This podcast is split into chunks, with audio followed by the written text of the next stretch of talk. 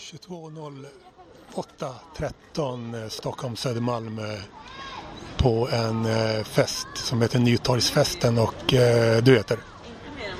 Rosie Björkman, alias Jolanda den tredje. Exakt och eh, webbadressen eh, heter exakt? Jolanda den tredje också, punkt nu. Och du kallar dig för eh, någonting speciellt, antar jag att du fortfarande gör? Ja, du är Instagram också, mm. Jolanda Tarot. Mm. Ja, jag förvaltar två uh, uråldriga hantverk, häxans och spåkvinnans. Mm. Men det är kanske häxa som sticker ut. Det kanske inte finns många spåkvinnor som kallar sig själv för häxor. Nej, man behöver inte vara häxa för att vara spåkvinna eller spåkvinna för att vara häxa. Mm. Så det är två olika hantverk. Det är mm. sant. Men det är något som är unikt med dig? Du... Ja, ja, min eh, originella tolkning just av tarotkorten är ju då att jag tolkar tillsammans med häxkonsten. Mm. Så det blir ju, det är mitt unika varumärke kan man ju säga då. Ja, exakt. Precis.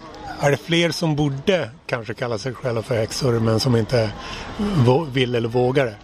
Ja, det är ju ett skällsord. Eller jag menar, det har ju... Det... Framförallt förr i tiden? Ja, det har väl blivit bättre nu de senaste 15 åren, antar jag. Men jag menar... 15? Varför, varför just 15? Ja, sen kanske mitten på 90-talet eller någonting sånt där började ju folk komma ut. Jag kallar det komma ut ur garderoben faktiskt. Mm. Det här med att kalla sig häxa. Du vet, det är, det är ett steg man tar då ut ur garderoben. Har det blivit lätt? När var det exakt vilket år du gjorde det? Jag kom ut eh, 1989 redan i Veckorevyn på en helsida och att mm. jag, jag är häxa nu. Mm. Då var jag 30, 32 år. Mm. Och, och, har det blivit lättare och lättare sedan dess? Ja, nej, men folk eh, förstår väl mera men Aftonbladet hörde av sig mig, eh, till mig då nu bara för några månader sedan och frågade fortfarande om jag dansar med djävulen. Så att då blir man lätt trött i alla fall när man är i mina skor. Men det kanske de sa på skämt eller? Nej, men jag fick ju lite tuppjuck och vad heter det, kallade dem för en stenåldersredaktion och att de inte var up to date. Ja, men eh, sen fick jag be om ursäkt. Jag menar, sen det är klart de var resonabla. Det är klart, men de vill ju ha klick. Mm. Och det blir bra klick med häxa. Du sa 15 år. Vad var det just som hände för 15 år sedan? Nej, då hade ju de här hälsomässorna och sånt hållit på ett tag i Sverige. Och mer och mer människor hade kommit i kontakt med det här då, tarotkort och spådomar och andar. Jag menar det här också på tv, du vet, TV3 och vad heter det, det okända och såna här grejer. Det påverkar ju det kollektiva medvetandet. Alltså ju fler som ser att det känns kanske logiskt på ett annat sätt än vad media framställer det som. Ju, ju mer färgar det in sig i det kollektiva medvetandet och då blir det ju mindre och mindre konstigt. Mm. Med tiden. Eh, borde folk ha en eh, mer nyanserad bild av eh det finns kanske olika, olika former av häxor. Absolut. Och häxan kom jag ju på faktiskt till och med i morse att det är ju som en anarkist alltså egentligen. Alltså man, man gör mycket upp sina egna lagar och regler och sånt där. Och sen mm. gäller det ju att vara etisk förstås. Alltså då finns den första heliga lagen att ingenting får göras för att skada barnen. Så den ska man ju försöka hålla sig till då i alla väder. Finns det någon skadlig form av häxkonst som du tar avstånd från? Ja, det finns ju alltså häxkonst, det är ju som jedis i Stjärnornas krig också. Det finns ju Follow the Dark Force eller the Light Force. Jag menar, man, det är samma grundutbildning och sen kan man välja då om man vill gå. I, för, på 1900-talets början i Sverige sa man sot eller bot. Då kallades det för botare. Alltså dåtidens häxor kan man säga och schamaner i Sverige. Dåtidens, vilken, vilken tidsperiod? Ja, då är vi ju i 1800-talet och 1900-talet i Sverige. Mm. Det är ju sådana här folkdoktorer eh, kan man säga. Som fortfarande går ju folk till sådana doktorer i, i Sibirien och Ryssland och sånt där. Och många baltiska länder och över ja, hela världen egentligen. Mm. Så, så det är inte... Det är alltså... Häxa kan vara något negativt kan man säga. Men det, det, inte, det, tycker såklart inte att du att det är i ditt fall. Jag vet ju att jag försöker ju lära mig om vad är vit magi, vad är svart magi. Jag menar, men man bryter ju ner det till att det finns det som bygger upp och det som river ner. Mm. Det är, två, det är polariteter i vår skapelse hela tiden. Och du, du bygger upp? Ja, och ibland kan det vara nödvändigt. Ibland kan det vara svart magi att bara hålla på och bygga upp och bygga upp. För då kanske någon blir som ett luftskepp och så spricker, du vet, en ballong. Alltså, man måste ju veta, man måste ha urskiljning. När är det läge kanske att komma in och bara säga nej till exempel och säga här går gränsen. Är det svart magi då eller? Du vet, vem vet? Förstår du? Men svart magi är om man skadar någon med det medvetet om man vill skada någon annan människa eller djur eller, eller morot eller trädgårdsland eller var det häxor som höll på med att eh, skada andra medvetet förr i tiden när, när häxprocesserna eh, ägde rum och så? Vi, hur mycket är du intresserad av den tiden? Det var en kollektiv psykos då. Mm. ser jag det som. Och sen var det ju också, om man, när man läser på lite om det här med inkvisitionen så ser man ju att det var ju ett det var en brytpunkt och att man, vi gick i Sverige från att då ha våra gudar och gudinnor och vår folktro så att säga, att moder jord och sådär, den stora modergudinnan och sånt, till att vi då skulle inskola sig att det var en herre då som skulle bestämma allting som vi skulle frukta och lyda. Och, där, och då skulle alla som sa emot Herren helt enkelt bara förlora livet. Och sen var det också faktiskt på grund av att den här lagen, eller straffet då som Eva fick i Gamla Testamentet, att hon skulle föda med smärta. Och då var det ju tvunget att döda alla jordmödrar och sånt som visste örter och saker som gjorde att kvinnorna inte faktiskt hade ont när de födde barn. Och det sån kunskap har vi glömt bort. Det brändes bort i inkvisitionen och sen nu har vi fått leva med och sen kom industrialiseringen och sånt där. Och nu lever vi ett liv som är då utan att själ. Alltså. Utan själ? Ja, alltså jag kan ju se det så. Hela världspolitiken styrs ju, tycker jag, att den svartaste magin skapas i Pentagon i USA och i, hos Putin i Ryssland och andra krigsherrar runt världen. Det är ju ingen skillnad på Kreml och Washington eller? Nej, jag menar det. Alltså det är ju alla krigshökar i hela världen som bara vill ha krig och destruktion och skiter fullständigt i om barn dör och svälter och sånt. Det, ja, det är män i alla fall. Jag svart magiker. Ja, det är män i alla fall som gör det.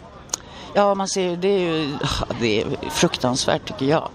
Så att eh, komma och säga att en, någon kvinna som håller på liksom lite med och, och samlar och pratar med naturen och djuren och stenarna och växterna. Säga att hon är på något vis ondskefull, det är ju helt bara enligt mig. Så, så häxprocesserna byggde inte byggde inte bara på en inbildning om att eh, folk eh, att, utan eh, det var även så men det, det byggde snarare på en överreaktion kanske, kan man säga så? Ja, nej, men det gällde att få in folk i Herrens flock. Mm. Helt enkelt. Jag menar, det var ju, man fick ju sitta vid skampålen utanför kyrkan och sådär och prygelstraff. Och, Gamla testamentet kräver ju dödsstraff på jättemycket. Alltså.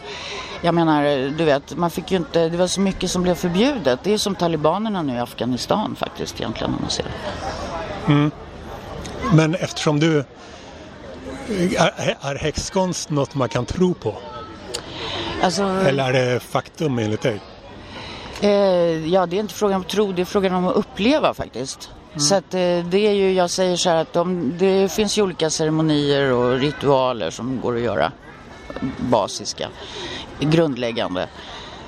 Och då om man till exempel säger så här, ja men nu vill jag bygga en stencirkel med fyra stenar och så, hittar man fyra stenar som man frågar om de vill vara med och bygga en stencirkel. Och sen så håller jag, man bygger man en stencirkel och sätter sig in i den, då, då förändras atmosfären runt omkring en och inne i en på något sätt. Och det går bara att uppleva, det går inte att överföra till en medmänniska bara i teori. Så det kan du inte överföra, men du kanske kan överföra andra saker? Jag kan ju bjuda med en vän in i stencirkeln. Jag menar, du och jag skulle kunna, jag skulle, vi skulle kunna bygga en stencirkel tillsammans och sen får du sitta i den och känna själv. Alltså det är ju grejen, upplevelsen. Mm. Eller kan försöka känna. Precis, försöka känna, ge det en chans. Men man känner du vet verkligen i luften någonting förändras. Om man till exempel vänder sig till vinden som också är besjälad då, allting är besjälat i häxans värld. Så vinden har själ och så säger man till vinden, hallå vinden, vad mysigt att du är här och hälsar på just idag. Och, och då stannar vinden upp och börjar du vet, kommunicera, det är häftigt faktiskt. Mm. Du ville innan vi började spela in att jag skulle berätta om mig själv. Jag sa att jag skulle göra det under inspelningen. Eh, du kan alltid välja att det här inte ska publiceras om du inte gillar det du hör när jag berättar om mig själv. Men eh, ja, man kan säga att det finns en parallell mellan dig och mig. Att jag ungefär när jag var i 32 års ålder som du började kalla för häxa så började jag kalla mig själv för rasist. För rasist? Just det. Och eh, man kan se det som att det är en eh, motsvarighet till hur pass laddat häx, häx, att kalla sig häxa var till förr i tiden. Ja, Och så. ja. Hur, hur känner du inför det här?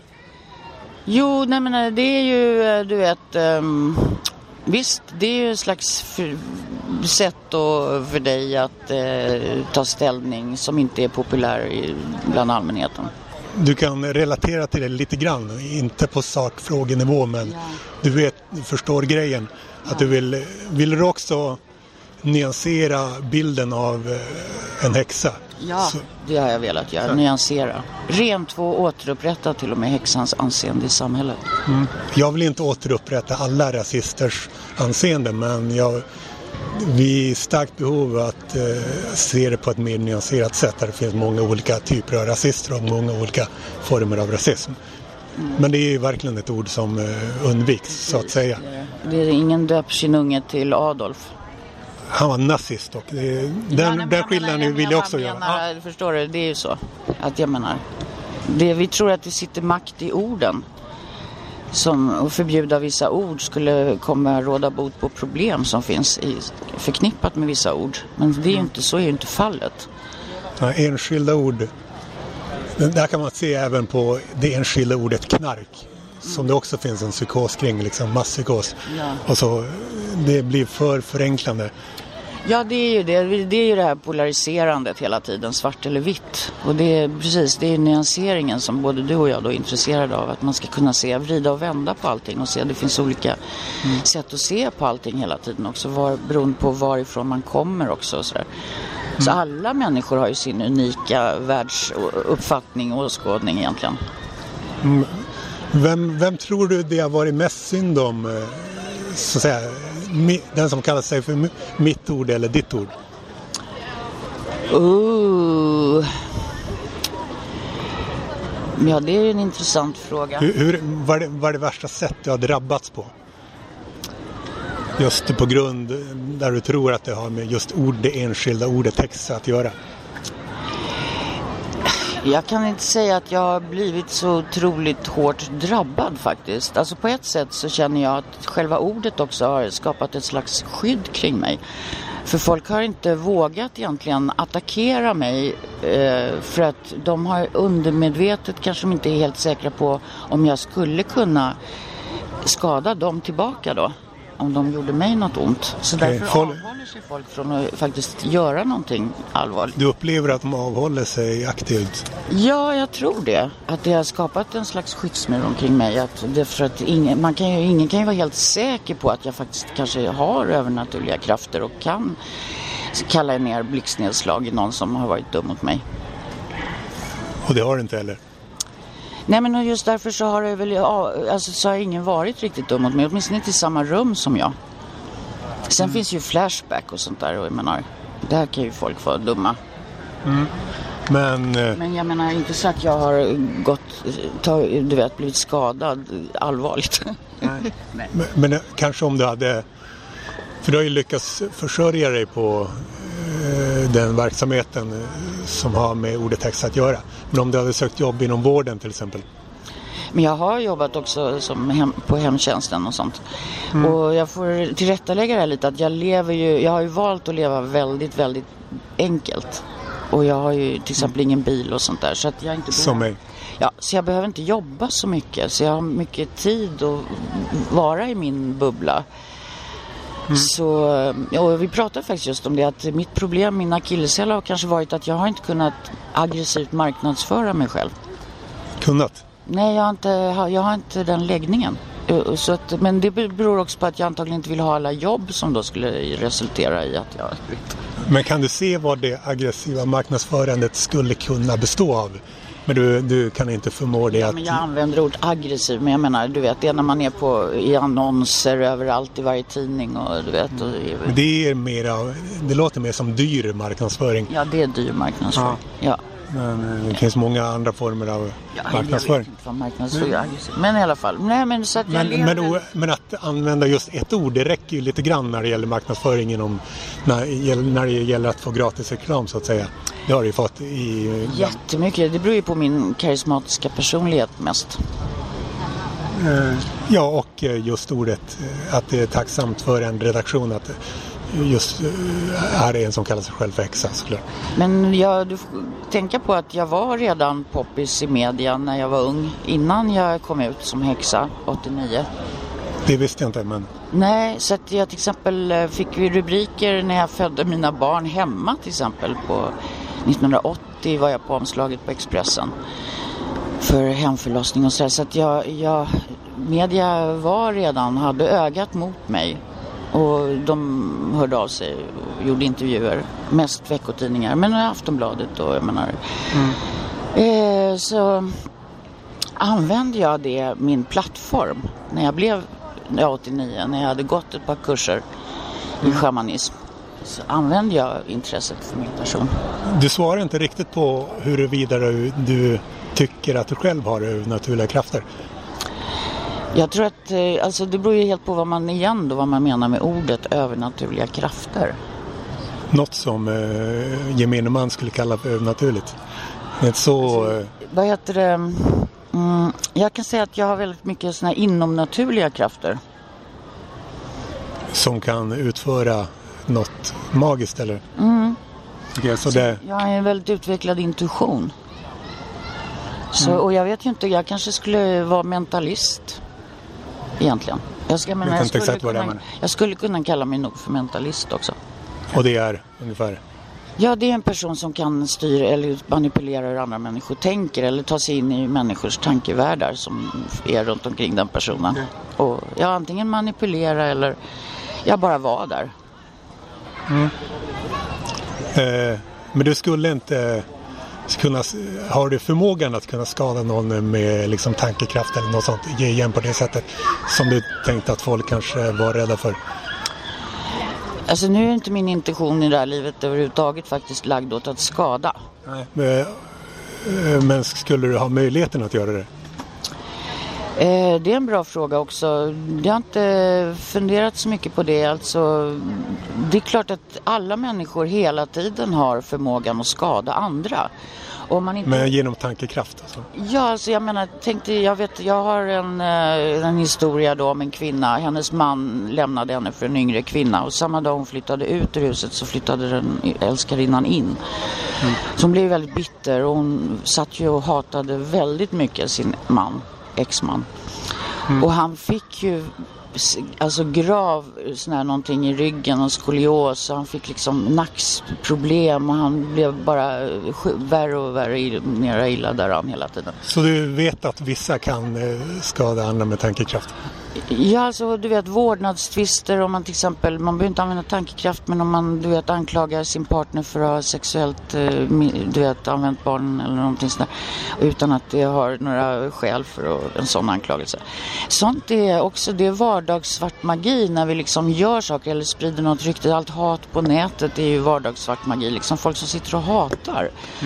Och sen finns det ju folk då som känner att nu sitter det någon och hatar mig och då tar den åt sig det personligt och ger den andra människan makten och ska liksom, förstår du, och, och påverka en så att man blir deppad och ledsen och mår illa och inte vill gå ut bland folk och så här. Kallar du näthat för svart magi? Det gör jag. Okej. Magi. Men jag tänkte rent uh, riktiga magiska saker. Hat, hat är svart magi. Okej. Du, kan, man kanske, du kanske vill att det ska vara lite otydligt hur, huruvida du kan eh, skada andra genom eh, någon slags magi, någon slags övernaturliga.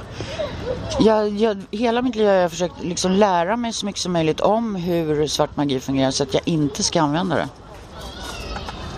För att om man inte har lärt sig, om man inte vet vad det handlar om, då, kan man, då gör man ju saker eh, som man inte förstår hur man skadar andra när man gör det. Eh, ja, man kan alltid förstå andra ännu bättre så att säga.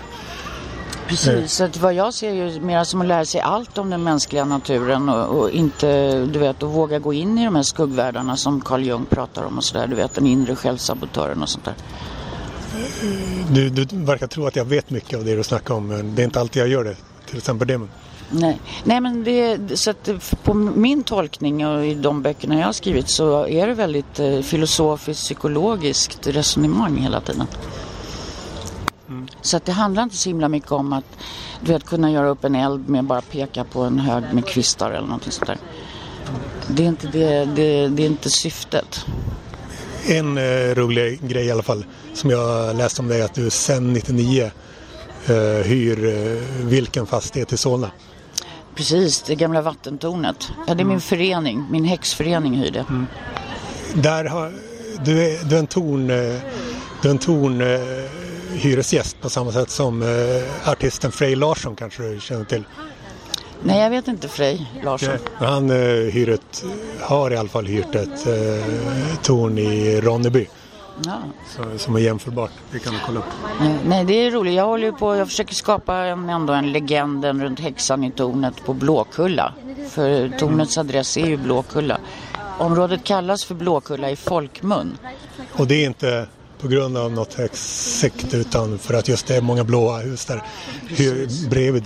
Ja, det är därför. Så att det är ju, det, det, det, bibliotekarien i Solna stad hon sa att det är en historia för bra för att inte berätta. Häxan i tornet på Blåkulla. Att, du, att det är du som hyr det? Ja, inte just jag personligen nu då. Nu kliver jag ut. Det är därför jag har alter ego. För att jag menar, jag, jag, jag går inte in i det här med hull och hår egentligen. Jag har en väldigt pragmatisk akademisk personlighet. Som jag då använder och blandar med det här romantiska, flummiga. Mm. Det går, och det betyder att du inte går in i det med hull och hår? Exakt, så därför när jag sätter på mig, det är som doktorn, när man sätter på sig doktorshatten då är man doktor, då opererar man. Men liksom, sen tar man av sig hatten och rocken och går hem och är en vanlig dödlig. Och så, så är det för mig också att det är en persona som jag gestaltar, häxan. Så när jag, mm. så går jag hem och så är jag bara Rosie. Så det är därför jag har ett alter ego som jag kan då kliva in i en kostym. Och sen kan jag då gå ur den och bara vara vanlig, dödlig. Mm. Som Fantomen också, Mr Walker. Som vandrar gatorna som en vanlig man. mm. Och vi ska säga att vi är på delen av nyårsfesten som heter Hippie Market va? Mm. Tycker du att du hör hemma här eller är det något helt fel med att du är på Hippie Market? Nej, jag är hippie i själ och hjärta. Okej, okay, det är inget så här, äh, något äh, helt fel med att, att häxeriet står inte alls i helt motsatsförhållande till det hippiga utan. Nej, men det är mycket moder jord och naturen och djuren och barnen och sådär. Så mm. att eh, hippies och häxor går hand i hand tycker jag. Mm. Men sen finns det ju hårdrockhäxor, det finns ju gotiska häxor, det finns ju alla möjliga slags häxor. Men det är inte så många som kallar sig för det? Nej, men det blir ju fler och fler nu. Jag tycker ju varje vecka. Blir det fler och fler? Ja, det måste jag säga. Det är ju en trend. Det är ju växande. I England är det ju supertrendigt nu. Och Kalifornien. Jag menar, och vad heter han nu? Michael Jacksons dotter Paris och sådär håller ju på. Mm. Men eh, jag, eh, jag vill alltid ge credit till föregångarna som du var i Sverige åtminstone. Ja, tack. Eh, man ska aldrig glömma de som är först med saker. Men hur var det i resten av världen? Vad finns det för olika som har kallat sig för häxor i resten av världen? Innan det kanske? Du var inte först i världen? Nej, jo, nej, oh, nej. Men nu ser jag, jag är jättemycket inne på sydkoreanska tv-serier nu och så, och kinesiska. Vad betyder det att vara inne på? Du ser ja, på den? Alltså jag, det, jag har en uh, fas. Jag ser mycket på det på Netflix och så, och Youtube. Och där har de mycket shamaner och häxor och tarotkort och sånt. I sin folklore. Och i Japan har de ju samma, du vet häxan på kvasten och katten. Så att, eh, det finns egentligen i hela världen. Och sen har det tolkats det olika. Och sen kommer ju då de abrahamistiska religionerna in och du vet sätter eh, den här stämpeln då att det är någonting farligt och hemskt. Och de, till och med det får förklara vilka religioner det är. De abrahamistiska religionerna, det är islam, kristendom, katolicismen och eh, förstås då eh, ju, judendomen, alltså mm. sionismen. Inte dock hinduismen som jag antar är något annat. Nej, där har du ju fortfarande kvar då alla gudar och gudinnor. Alltså det här då eh, som också fanns då i Norden innan, Christ, innan kyrkorna byggdes och så. Och vi, vi, du vet både islam och eh, katolikerna och, och, judendomen är ju baserade på gamla testamentet på Abraham. Alltså, men i Koranen det är precis samma skapelseberättelse och allt sånt där. Fast Gud kallas för Allah istället för Jave. Men det är ju precis domedagen, allting finns ju med. Och sen har de profeten Muhammed fast då på andra sidan fanns profeten Jesus. Så det är, det är liksom, det är foto, copy, paste liksom. För dig är det bara samma sak? Ja, inte bara för mig. Jag menar för alla, du vet, ledande religionsakademiker i världen just nu.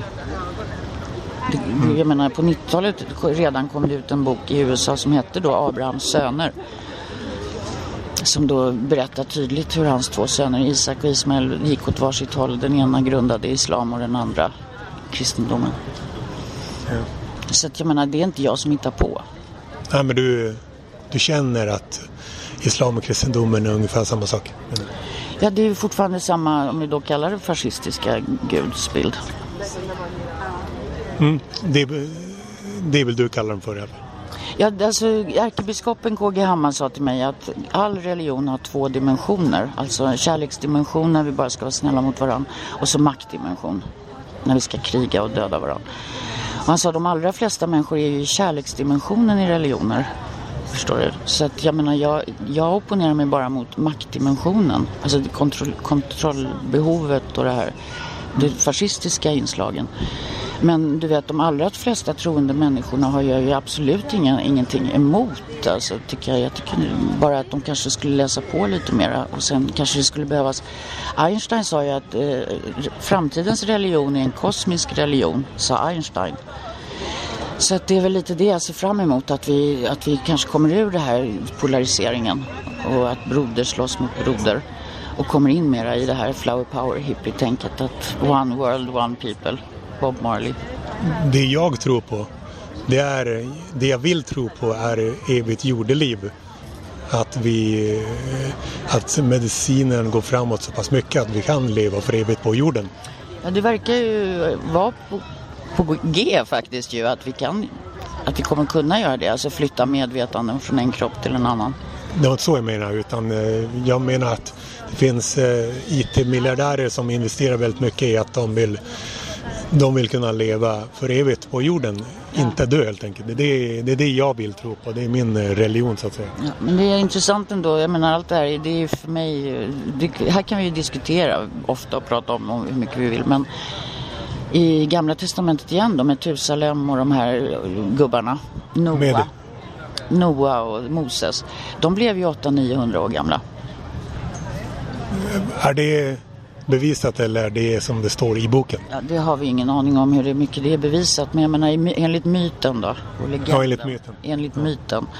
Så, det är väl ganska stor vikt i men. Precis, så blev alltså, vi kan sluta oss till då som slutsats om man då studerar myter att innan då, de gamla, gamla då levde kanske tusen år.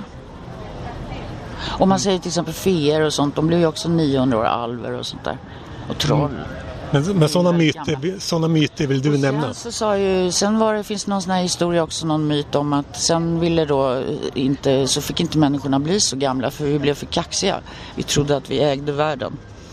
Och nu har, ser du, du har någon uh, speciell... Jag har en liten insekt som jag sa på. Ja, där. Där ser du. Den här gröna där. Den.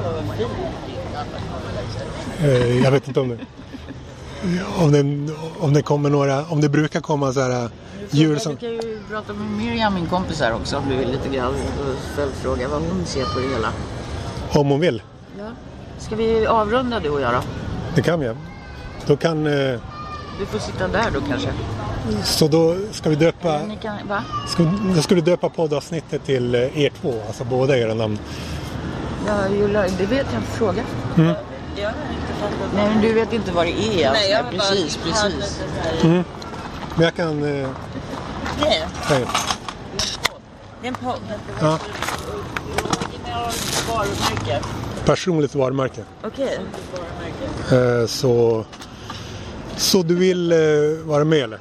Ja, jag kan vara med lite. Och du heter? Jag heter Miriam. Och du jobbar för, vad heter det, företaget? Är det ett företag? Precis, jag har börjat med tarotcoach. Så nu är jag här, hjälper eh, Rosie över helgen och sälja grejer. Så spådde jag lite igår när hon eh, hade gått hem. Du har börjat, Så, men jag har- gör det också på, alltså jag ska iväg och spå på, vad heter det, Eden. Någon sån kvällsklubb, nattklubb ikväll. Och har, stå på nattklubbar. Eller på liksom, det är en krog, uteställe. Så jag gör också lite, alltså ja, jag har börjat Så med det nyligen. Vill de att du ska komma dit eller kommer det bara gå dit? Nej, de vill att jag ska komma dit. Vad är det för nattklubbställe? Bo- bokad, där kan man, eller liksom inte bokad utan vanligt bokad. Vad är det Alltså, de, de, vill, de vill att du ska komma dit och du har, du har något bord där. Precis, jag har gjort det en gång förut där också. Mm. För några veckor sedan. Eh, har du upptäckt att du har någon slags eh, förmåga? Ja, det kan man väl säga. Hur upptäcker man sånt? Alltså egentligen tror jag mer att, det att jag upptäckt ett sätt att använda min förmåga kanske. Jag har alltid varit ganska väldigt bra på att läsa folk. Så det är mer att jag nu har... Hur, hur upptäcker man det då? Nej men, jag vet inte hur du tänker. Alltså att jag... Det är väl mer känsla, kanske. Som jag har. Är det, så det är du själv som har sagt till dig att du är bra på att läsa folk då? Nej, utan jag har också fått höra det jä- jämt kanske. Att, Att du, att du inser saker om dem som de inte trodde att någon kunde inse utan att de har sagt något? Eller? Ja men typ så. Och att ja, men väldigt ofta att folk som jag inte känner tycker att det känns som att jag känner dem väldigt väl. Och att jag kan eh, möta folk på liksom, ja, ställen där de inte, ja men du vet som kanske tar flera år. För när man liksom lär känna någon. Ja. Och Hur länge brukar det ta innan du inser sådana saker om eh, nya människor? Alltså det var väl så här kan man säga snarare att jag eh, eh, började respektera det här. Att jag hade den här förmågan för några år sedan. Och började känna att jag liksom, eh, annars har jag varit lite mer att jag bara säger nej men jag kan inte veta det säkert. Du, du, du. Men då har jag också eh, satt mig i situationer där man kanske får ett mycket närmre band med någon och vad man vill ha och så. Alltså så då började jag använda det lite mer medvetet. Men sen så eh, är det ju väldigt praktiskt att ha mm, liksom ännu en, alltså ett kort som kan styra mer vad det är för någonting som jag ska läsa ur en person. Hur, hur, får man, eh, hur får man främst eh, bekräftelse av kunder? Är det att de kommer tillbaka eller vad kan man säga när man spår i kort? Oj, svår fråga. Det, jag har faktiskt inte fått eh, samma kund två gånger än. För jag har inte hållit på så länge, bara några månader. Sådär med folk jag inte känner eller kunder. Men den, alltså ofta den bästa bekräftelsen är väl när någon säger så här. Ja, åh, exakt så. Jag ska, det ska hända mig nästa vecka. Igår så var det någon som, jag, ja men så här. Jag bara, du kanske har nya kollegor, så hade de börjat nytt jobb för eh, häromdagen. Alltså du vet, sådär att det är exakt det som man säger. Fast inte personen har sagt det. Mm. Och eh, brukar du också vara i tornet i Solna? Ibland. Ja. Ibland. Har ni några andra lokaler, lokaler här i stan? Någon annan lokal? Eh, inte vad jag vet. Jag har varit eh, i tornet men, men jag har ingen lokal. Och, ja nej. Eh, hur gick det till? Eh, du kontaktade bara henne eller hur gick det till när du började? Eh, ja precis, jag kontaktade henne och frågade om hon hade någon kurs eh, på gång. Och då var det en tarotkurs som jag började. Och det här var i våras. Eh, så det var på den vägen. Tycker du att du är en häxa? Ja men det tycker jag. Så hon har banat väg för eh, fler. Nu är det inte så stor grej att kalla sig själv för häxa då antagligen. Kanske. Jag vet inte. definitivt banat väg skulle jag 100% säga. Jag vet inte om det är så stor grej eller inte. Jag har ändå några vänner som också är häxor. Alltså jag vet det är som att vi bara är det.